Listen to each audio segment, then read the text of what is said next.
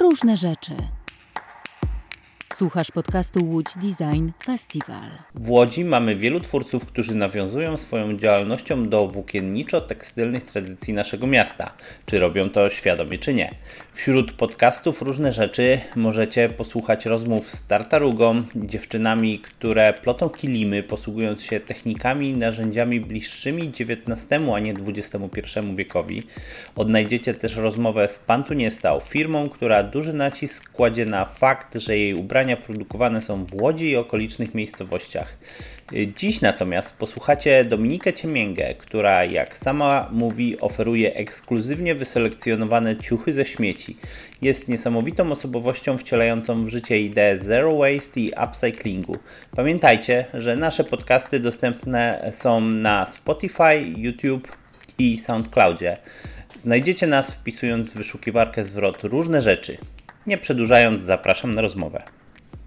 Nazywam się Dominika Ciemięga i prowadzę taką mini markę odzieżową Ciemięga Traszki Tir na terenie Łodzi właśnie w, w takiej małej pracowni na Piotrkowskiej 217. Zajmuję się przerabianiem odzieży z drugiego obiegu i też właśnie materiałów jakichś e, starych, które gdzieś znajdę, od kogoś dostanę, czy odkupię od kogoś, od właśnie jakiejś innej marki odzieżowej i przerabiam to no, na coś innego, na coś nowego, no, coś projektuję tak jakby ubrania pod ten dany materiał, który uda mi się, uz, uda mi się uzyskać. A no, robię to dlatego, że po prostu przeraża mnie ta nadprodukcja odzieży, jaka ogólnie teraz następuje i to się nie zatrzymuje, tylko cały czas rośnie. I wiem, że te, teraz już wiem, że to już jest na taką mikroskalę i tak jakby to jest tylko taki no nie wiem, taki jakby sygnał może dla ludzi, że dla moich obserwatorów, że coś jest nie tak, ale przestałam jakby przerzucać winę na konsumenta przez to, że ta nadprodukcja cała odzieży występuje, a zaczynałam swoją działalność właśnie y, z taką mega energią i myślą, że mi się uda zmienić świat totalnie, kiedy ja będę mówić ludziom, żeby mniej kupowali albo kupowali tylko w drugim obiegu y, swoją odzież, ale to zrozumiałam, że to w ogóle nie, nie od konsumentów zależy. Także ja ogólnie nadal będę to robić, bo chciałabym po prostu na coraz większą skalę, y, coraz więcej tej odzieży i tych materiałów przerabiać, jakoś usystematyzować produkcję, bo na ten moment zatrudniam jedną krawcową, która bardzo mi pomaga, a wcześniej wszystko wykonywałam sama, czyli projektowałam, wykrawałam, no wszystko zszywałam, później robiłam zdjęcia i, i sprzedawałam, bo sprzedaż prowadzę głównie internetową. E, dopiero od kilku miesięcy e, z kolegą, moim projektantem Tomaszem Armadą wynajęliśmy takie małe pomieszczenie na showroom, w którym tam organizujemy takie mini cykliczne wydarzenia weekendowe, gdzie akurat udaje nam się coś tam sprzedawać e, stacjonarnie. Cała moja sprzedaż opiera się głównie na Instagramie i to poprzez wiadomości prywatne. Ja najpierw, zanim w ogóle zaczęłam coś, e, zanim no, zaczęłam sprzedawać te swoje ubrania, właściwie ja się tym interesuję już od no, 12 roku życia. W wieku 8 lat zaczęłam szyć coś ręcznie, później na maszynie. Udało mi się taką społeczność, powiedzmy, zbudować e, zainteresowaną tym, co ja robię i ogólnie, no jakby, no moją taką personą internetową, no jednak e, bo nie zaczynałam, e, nie zaczynałam od założenia marki, tylko zaczynałam po prostu od bycia youtuberką, czy właśnie jakąś później artystką w kolektywie Domu Modeli Manka bo mm, właśnie przez internet udało mi się poznać e, znajomych moich, e, którzy w Łodzi już zamieszkiwali. Był to e, Kacper Szalecki, Sasa Lubińska i właśnie Tomasz Armada. Mm, no i jak ich poznałam, to właśnie stwierdziłam, że chcę mieszkać w Łodzi, jakby chcę się dalej z nimi przyjaźnić. No i tak jakoś wyszło, że później pracowaliśmy razem w łódzkim takim kolektywie Dom Modeli Manka i zrobiliśmy wystawę w Muzeum Sztuki w Łodzi pod tytułem Nowa Kolekcja, i później zostaliśmy zaproszeni do udziału w takim konkursie Project Room w Zamku Ujazdowskim. Tam nakręciliśmy film i e, zdobyliśmy pierwszą nagrodę w ogóle w tym konkursie, ale z dniem tam zdobycia tej nagrody już ogłosiliśmy upadek, e, dlatego że każdy z nas gdzieś tam chciał, chciał robić coś innego, no nie znaliśmy się na przykład na wszyscy na szyciu ubrań, nie wszyscy znaliśmy się na robieniu filmu, a zrobiliśmy film. E, no i e, konflikt interesów po prostu nastąpił i to było to było dla mnie akurat takie no, budujące, że już mogłam zająć się właśnie tym. Już wtedy wiedziałam po różnych tam perturbacjach życiowych, jak na przykład też jeszcze po skończeniu um, Wydziału Architektury w Gliwicach, że no nie chcę być architektem, nie chcę być artystką ani sprzedaw sprzedawczynią właśnie, właściwie, właściwie chciałam być sprzedawczynią. No i tak ogólnie zostałam w tej Łodzi, no bo już tutaj jakieś znajomości udało mi się E, znaleźć. E, zauważyłam, że jakby no tutaj powiedzmy można łatwo tworzyć te ubrania, w łatwy sposób pozyskiwać różne materiały czy dodatki krawieckie, e, no bo jednak tych zakładów tutaj jest dużo, było dużo, więc na przykład jakieś materiały udało mi się przywieźć z fabryki Wima, bo tam dużo marek miało, jakichś małych takich odzieżowych, miały swoje siedziby i oni po prostu się stamtąd wyprowadzili, dużo rzeczy zostawili, więc tak jakby ja sobie to wzięłam, bo to było do, i tak do wyrzucenia. Albo tam e, udało mi się odkupić od e, takiej marki Pan tu nie stał dużo pięknych materiałów, które oni projektują i w pełni wykonują w Łodzi, także to jest takie mega lokalne. To mnie wiąże z Łodzią i cały czas coraz bardziej coraz więcej chcę mm, tych właśnie ubrań, materiałów przerabiać, chcę na większą skalę to robić. E, dalej chcę to robić w Łodzi. No bo na razie tutaj to jest takie no, najłatwiejsze. Jest też dużo osób, studentów, którzy są zainteresowani e, no, pracą w modzie. Jednak ASP co roku tam tych projektantów kształci. E, no i oni gdzieś muszą pracować. No i takie osoby, niektóre właśnie studenci trafiają, trafiają do mnie, no i razem wtedy możemy coś tutaj na terenie Łodzi działać. E, ja w Łodzi mieszkam 6 lat na pewno. I cały czas właśnie aktywnie tutaj e, działam, odkąd jestem w Łodzi, to udaje mi się pracować właśnie około artystycznie, a teraz już totalnie robię to, co chciałam zawsze robić, właściwie od ósmego roku życia, że chciałam robić ubrania, tudzież mieć ubrania i je sprzedawać. To jest super, ja kocham za to Łódź, że nie mam tutaj tak naprawdę żadnych jakichś takich pracowych, y, negatywnych wspomnień, tylko jeśli chodzi o pracę, to cały czas się tutaj realizuję, cały czas robię coś, coś więcej do przodu, no i tak jak chcę. Na razie. Mam nadzieję, że tak pozostanie.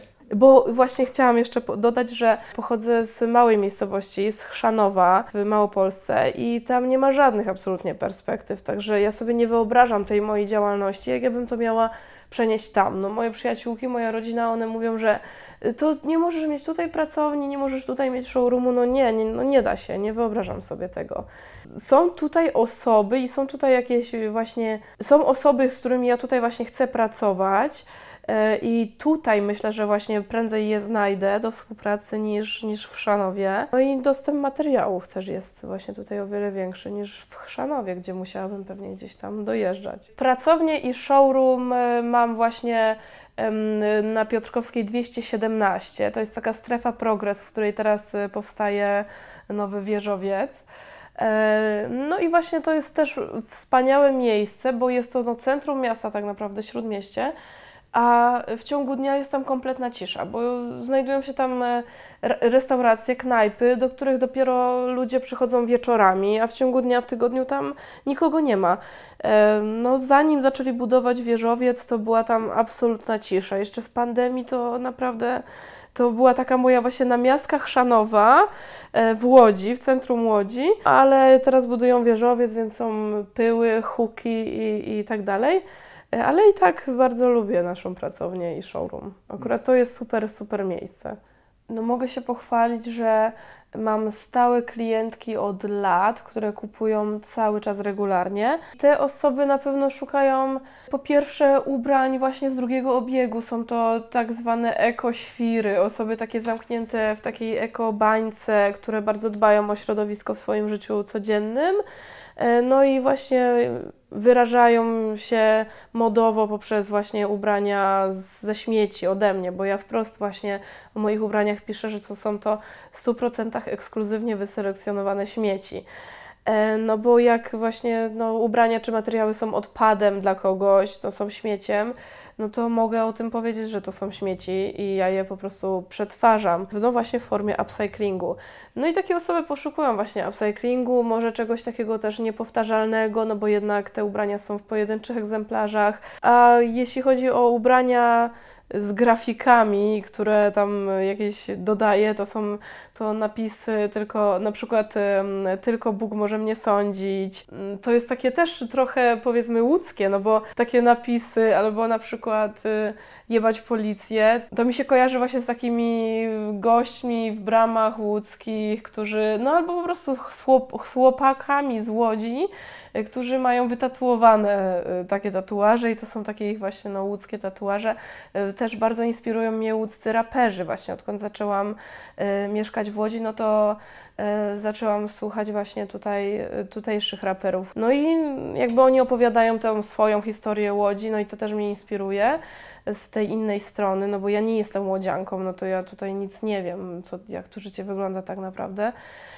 No i właśnie te, te, ci moi klienci poszukują takich ubrań, którymi mogliby się tak właśnie dosadnie wyrazić, albo jako, kupują te ubrania jako taki ciekawy element na, na prezent dla kogoś, czy ubierają to na imprezy. No właśnie staram się w swoim projektowaniu zachowywać taki bazarowy kicz i też łączyć na zasadzie kontrastu w stylu biała bluzka właśnie z takim napisem tylko Bóg może mnie sądzić, biała koszula, albo elegancka sukienka i właśnie z napisem jebać policję. Przerabiam ubrania na zasadzie doszywania chrystogramów, takich, które dzieciom się e, do komunii naszywa na albę, ponieważ one są właśnie dostępne w, w Łodzi, E, hur, w hurtowni w Łodzi. Jak kiedy ja to znalazłam, to stwierdziłam, że właśnie muszę zrobić kolekcję komunia. No i tak od trzech lat co roku w, w maju wypuszczam kolekcję komunia, która właśnie bazuje na białych ubraniach, z drugiego obiegu oczywiście, wyłącznie na białych ubraniach i w jakiś tam sposób wkomponowane te, te chrystogramy, E, w jakieś tam właśnie przeróżne kompozycje, które przyjdą mi do głowy. No i to myślę, że właśnie klient mój e, sięgający po kolekcję komunia, no to e, może właśnie chce jakąś taką wyrazić swoją postawę, zamanifestować coś tym, tym ubiorem. To nie jest zrobione jako uwielbienie Pana Boga i Kościoła, tylko to jest raczej właśnie zrobione jak, y, na przekór, bo no ja kiedyś bardzo chodziłam do kościoła, no tak jak to w małych miejscowościach, no trzeba było, co ludzie powiedzą, więc w każdą niedzielę trzeba było iść do kościoła. Ja nigdy tego nie rozumiałam. E, więc y, jak znalazłam te chrystogramy, to stwierdziłam, że to będzie tak jakby idealny moment do niby sprofanowania tego. No tak jakby dla mnie to jest nic, y, że ja naszywam naszywkę na, na odzież, którą ja mogę kupić w hurtowni, y, w hurtowni, gdzie są też y, setki innych naszywek. Ale no tak, to było takie na, na przekór zrobione, bo katolicy mają zwyczaju mówić, że ktoś się z czymś obnosi, a tak jakby Kościół katolicki w Polsce się z niczym nie obnosił, gdzie mamy kościół co, co drugą ulicę, czy chodzą y, różne procesje, czy dzwonią te dzwony ciągle. No tak, to było takie kontrowersyjne, takie zaczepne i, i dużo za co roku właśnie dużo w internecie dostaję takich komentarzy właśnie, że to jest profanacja i no takich jak chciałam po prostu, no do, do, do, osiągnęłam to, co chciałam no, tą kolekcją. Przez to, że ja wyznaję tak zwany, jak sobie to nazwałam, radykalny upcycling, czyli mm, nie łączę nowego ze starym. Stara, e, zawsze staram się tylko używane ubrania, używane materiały łączyć ze sobą. Na przykład zaprojektowałam taką bluzę, która pochłania dosyć dużo materiału, ponieważ wymyśliłam sobie taki e, nadruk, narysowałam taki rysunek, który jest tak długi, że on się mieści od jednego nadgarstka do drugiego przez całe ręce idzie i, i tułów.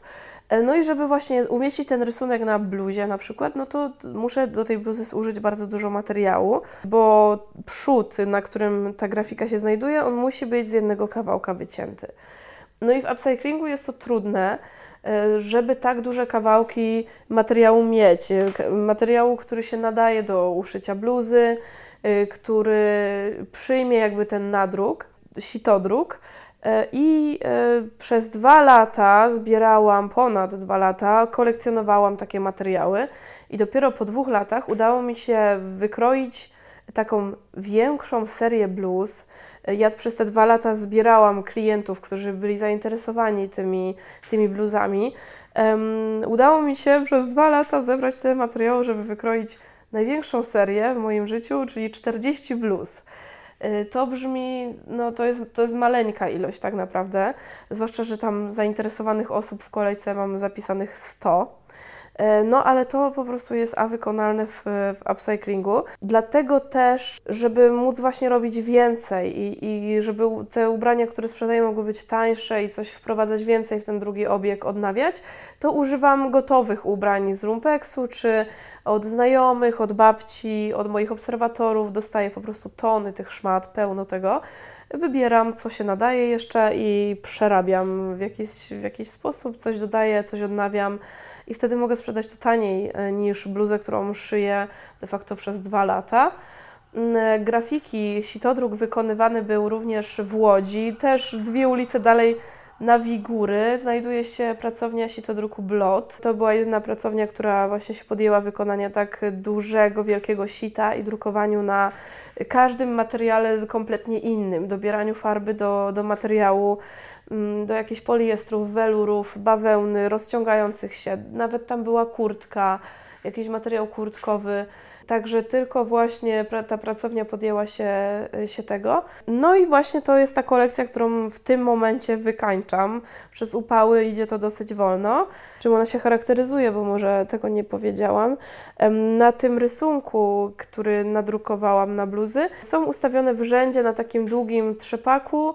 E, ja to nazywam grube baby na trzepaku. No są to po prostu kobiety o otyłych sylwetkach, Mm, właśnie ubrane tak powiedzmy sportowo, kabaretowo, trochę cyrkowo i one ćwiczą na tym, na tym trzepaku. Tak jakby no to było nawiązanie do, mm, no do mojej sylwetki, no ja jednak całe życie właśnie byłam taką grubą babą na trzepaku. Od dziecka zawsze y, lubiłam sport, akrobatykę, cyrk i to po prostu było coś takiego, no jakieś takie wspomnienie z dzieciństwa, no nie wiem, powiedzmy, że ja na tym trzepaku. Mm, gdzieś tam przez jakieś tam wydarzenia e, zrezygnowałam e, w pewnym momencie z tego, z tego sportu, no i to po prostu była, ta, to jest taka grafika, którą ja sobie tak uwieczniłam, jakby jakieś tam wspomnienie, no i to okazało się mega hitem właśnie, że, że ja tak jakby swoją wadę, czyli tą otyłość jakby przerodziłam w taką zaletę, tak jakby ja tym się zareklamowałam, tym zareklamowałam tą kolekcję, dlatego ona jest taka pożądana. No i też krój tej bluzy, właśnie on jest taki oversize'owy, potężny, dużo materiału schodzi, no bo dla, właśnie dla osób o właśnie takiej większej sylwetce, i dla dziewczyn, i dla facetów, bo faceci też te bluzy kupowali, bo kiedyś tam jeszcze szyłam takie pojedyncze egzemplarze. I tyle właśnie o tej kolekcji nie wszystkie materiały mam za darmo. Za darmo mam najgorsze materiały, no bo nikt za darmo tak naprawdę niczego nie daje. Super materiały właśnie jakościowo i, i jeśli chodzi o no, wygląd, y, najlepsze właśnie odkupiłam od łódzkiej marki Pan Tu Nie Stał. Y, no, ale mówię, że, że odkupiłam, bo jednak za darmo to ja mogę sobie wziąć, jak znajdę gdzieś w kontenerze materiał, ale nie lubię tak przyjmować e, od kogoś po prostu za darmo, więc zawsze wolałam zapłacić. 40 bluz z grafiką grube baby na trzepaku powstawała przez dwa lata. 40 bluz. W sensie, że ja te materiały dopiero musiałam zbierać. To jest, cena tej bluzy to jest w ogóle moja znajomość materiału, umiejętność w ogóle mm, oszacowania, na ile mi to starczy. E, zwykle to kawałek materiału mi starczał maksymalnie na jedną bluzę albo nawet i na pół bluzy. E, czy to w ogóle będzie można zadrukować. Koszt to również nadruk, no bo przy mniejszej ilości cena jest o wiele wyższa niż jakbym zrobiła tam, nie wiem, tysiąc, tysiąc odbitek. To, to jest oczywiste, ponieważ za przygotowanie takiego też nieformatowego sita, takiego specjalnego na zamówienie, no to też musiałam odpowiednio zapłacić. Ja mogę wykonać mało e, egzemplarzy odzieży, w czasie, gdy tam jakieś sieciówki potrafią tam ty, 10 tysięcy czy tam setki tysięcy w jeden dzień wyprodukować, no to ja w jeden dzień to jak jedną rzecz zrobię, to jest dobrze. I też no, koszt to jest wykrawanie każdego elementu na kolanach pracowni nożyczkami. Y, odmierzanie. Każdy ten skrawek materiału no, wymaga osobnego, odpowiedniego ułożenia na nim wykroju, no i wycięcia, dopasowanie ściągaczy, y, dopasowanie nitek. Kiedy ja mam każdą bluzę w innym kolorze, no to ja do, do każdej bluzy muszę zmieniać nitki na przykład we wszystkich maszynach. W overlocku to są cztery nitki, a w, w stępnówce mamy dwie. Y, I tak jakby to jest no ten czas pracy. No i tutaj pada cena za taką bluzę, za taką bluzę ja chcę 750 zł. Moi klienci, którzy jakby oni byli zainteresowani tymi bluzami albo no ale nie znali jaka, nie wiedzieli jaka jest cena, moi klienci jakby piszą do mnie, że przyznają się, że nie stać ich na, na te rzeczy, no i ja staram się ich słuchać. Takie droższe rzeczy są po prostu dla, dla wybranych osób, dla tych, które po prostu stać, a takie tańsze rzeczy, bardziej dostępne dla no, dla klientów, którzy chcą jakby ze mną być i chcą wspierać moją markę, ale sygnalizowali mi, że ich nie stać. E, robię właśnie takie, przerabiam po prostu gotowe już ubrania, bo zawsze ubranie, które ja szyję od podstaw, na które ja muszę znaleźć materiał, jakby może o, wpada w ręce jakiś kawałek materiału mój i ja muszę pod to wymyślić takie ubranie, żeby one było dobre jakościowo, żeby one służyło tej osobie, która to drogo kupi, e, no długo. Natomiast tanio mogę sprzedawać e, ubrania przerobione po prostu z lumpeksu, czy od znajomych, czy gotowe jakieś od babci. I na to nakładam grafiki, albo właśnie tą grafikę grube baby mm, mogę nadrukować na jakieś skrawki materiału e, i sobie to pociąć i jakieś tam takie robić naszywki jakby. I w jakiś sposób odnawiać, odmładzać te ubrania no i wtedy one mogą być tańsze i wtedy ja sprzedaję je e, jak na bazarze, na takich live'ach e, na żywo na Instagramie, takich streamach, nie wiem jak to nazwać. E, no i tam mam taki bezpośredni kontakt wtedy z tymi klientami i my sobie rozmawiamy. No i to jest taka też zabawa, trochę kontakt z nimi ży na żywo bardziej, no bo jednak już po, w czasach pandemii, ci ludzie po, po czasach pandemii tak strasznie ludzie są zmęczeni chyba takim sztucznym właśnie tym kontaktem przez internet i chcą takiego żywego jakby, no to nie jest żywe, wiadomo, live stream, ale właśnie staram się tam być sobą, jestem szczera, rozmawiam z nimi, no i też na tym jakby opieram swoją działalność, markę, że jestem szczera z tym klientem, klientem, y, mówię prawdę, jak powstają te ubrania, pokazuję jak wygląda pracownia, no i to, to sobie oni cenią. Problem z nadprodukcją odzieży jest taki, że no po pierwsze jest jej za dużo, jest jej produkowanej o wiele za dużo. Gdyby ona przestała być teraz produkowana w ogóle, to dla każdego człowieka na całym świecie wystarczyło ubrań na, na 10 lat, jak nie tam do końca życia każdego człowieka. Ta masowa produkcja odzieży, nie dość, że to jest wszystko na jedno kopyto, kroje są upraszczane, żeby to pasowało dla większej ilości osób, wiadomo, no bo to idzie na cały świat żeby zużywać jak najmniej materiału, jak najkrócej, żeby się to szyło. Taki jest problem, że ta odzież po prostu już bardzo szybko zmieniają się trendy. Ubrania wykonywane są z jak najtańszych materiałów, czyli właśnie z poliestru. To jest bardzo tani w produkcji materiał, ale, ale rozkłada się latami. Mamy ubranie na parę sekund, na parę, nie wiem, na jedno wyjście albo wcale, bo teraz się kupuje ubrania, żeby przymierzyć, a później wyrzucić, bo, bo są tanie, ale rozkłada się to latami. Te ubrania, które są niesprzedawane, to są jakieś podobno na wysypisku co sekundę ląduje cała ciężarówka odzieży. Część z nich jest spalana po prostu, no to wtedy mamy po prostu palony plastik w spalarniach i to się niby nazywa paliwo alternatywne, no tylko, że to są ubrania, które tak jakby, no to jest bez sensu, żeby je, je spalać, no bo niby one mogłyby posłużyć, tylko że to, że one są z plastiku, to mm, poliester to nie jest dobra, dobry materiał dla, dla człowieka, ani na zimę, bo w ogóle nie grzeje, a na upały, no to y, można się zaparzyć w tym, jak w reklamówce, ale jak możemy zauważyć, to w sklepach i w najdroższych, i w Witkacu, i w tych najtańszych sieciówkach za parę złotych. Wszędzie tam króluje poliester. Jeśli chodzi o masową produkcję bawełny, no to bawełna jest produkowana no, rękami niewolników w Chinach. To może tyle powinno wystarczyć. Albo przez dzieci. To nie jest mit, że rzeczywiście, że te, te dzieci szyją te nasze ubrania i tak jakby biorą udział w całym procesie produkcji, który jest właśnie na przykład toksyczny. Toksyczne jest farbowanie ubrań, przez to, że ta odzież na przykład nie jest produkowana w Unii Europejskiej, no to um, gdzie indziej poza Unią są jakieś inne normy niż w Unii. Na przykład przyjeżdżają do nas tak zwane to, no, toksyczne ubrania po prostu, w których się znajduje, nie wiem, na przykład formaldehyd. Ubrania farbowane toksycznymi substancjami, zabezpieczone przed zgniciem, przed zeżarciem przez jakieś robale, przez szczury. Ubrania, które niby mają długo przetrwać, tak naprawdę one trwają tą podróż, zostają wywieszone w sklepie i jak ktoś ich nie kupuje, no to są wyrzucane, palone, niszczone, bo ubrania, zanim się je wyrzuci, te niesprzedane, to one są niszczone, żeby nikt ich sobie nie, nie wyciągnął ze, ze śmietnika i nie nosił. To po prostu myślę, że każdy człowiek może obserwować, w, w galeriach handlowych po prostu, ile tego jest, tych szmat, jakiej to jest jakości, no i tyle. Ale ostatecznie w ogóle nie zrzucałabym winy na, na klienta, bo mm, jako klientka potrzebowałam przed wyjazdem w Chrzanowie będąc y, kupić buty.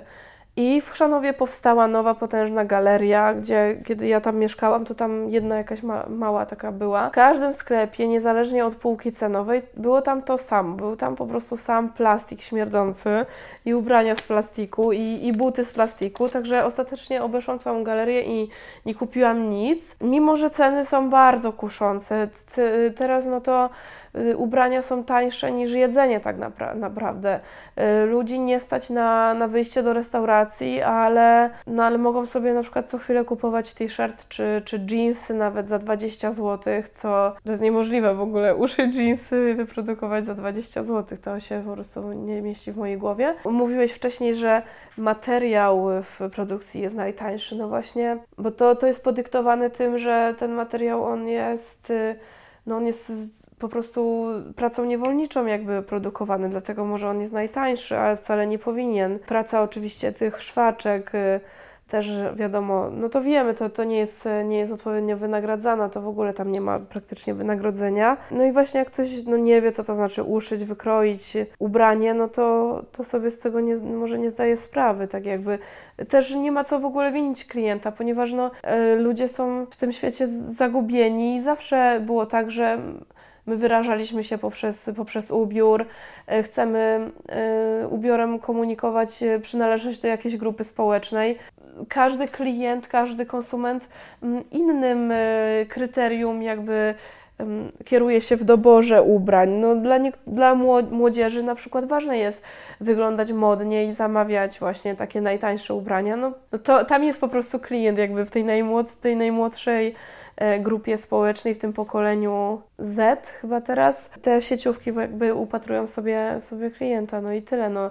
Im większa marka, im większa, im potężniejsza, tym ma większą i tym ma większy budżet na reklamę, tym ma większe o wiele przebicie e, z tą reklamą i mm, takie potężne sieciówki wprowadzają jakieś tam niby ekologiczne linie, niby, bo to jest tam, to jest naprawdę totalny greenwashing, to jest kłamstwo, ale przez to, że oni mogą się zareklamować, mogą zapłacić jakiejś tam firmie marketingowej, która właśnie ich wypromuje w taki niby e, jako ekologicznych, no i co? No i ja to sobie mogę tam, no nie wiem, siedzieć w tej łodzi, w tej mojej pracowni i nikt o mnie się nigdy nie dowie, no bo o tym, co, co ja w ogóle robię, no bo ktoś będzie klient Zary, dalej będzie klientem Zary z czystym sumieniem, no bo kupuje ubranie z zieloną metką. Z metką, która jest wydrukowana na zielono. Dziękujemy za wysłuchanie. Więcej odcinków naszego podcastu znajdziesz na www.lotsdesign.com. Działamy dzięki wsparciu Łódzkiego Centrum Wydarzeń, Urzędu Miasta Łodzi oraz Ministerstwa Kultury i Dziedzictwa Narodowego dzięki środkom z Funduszu Promocji Kultury.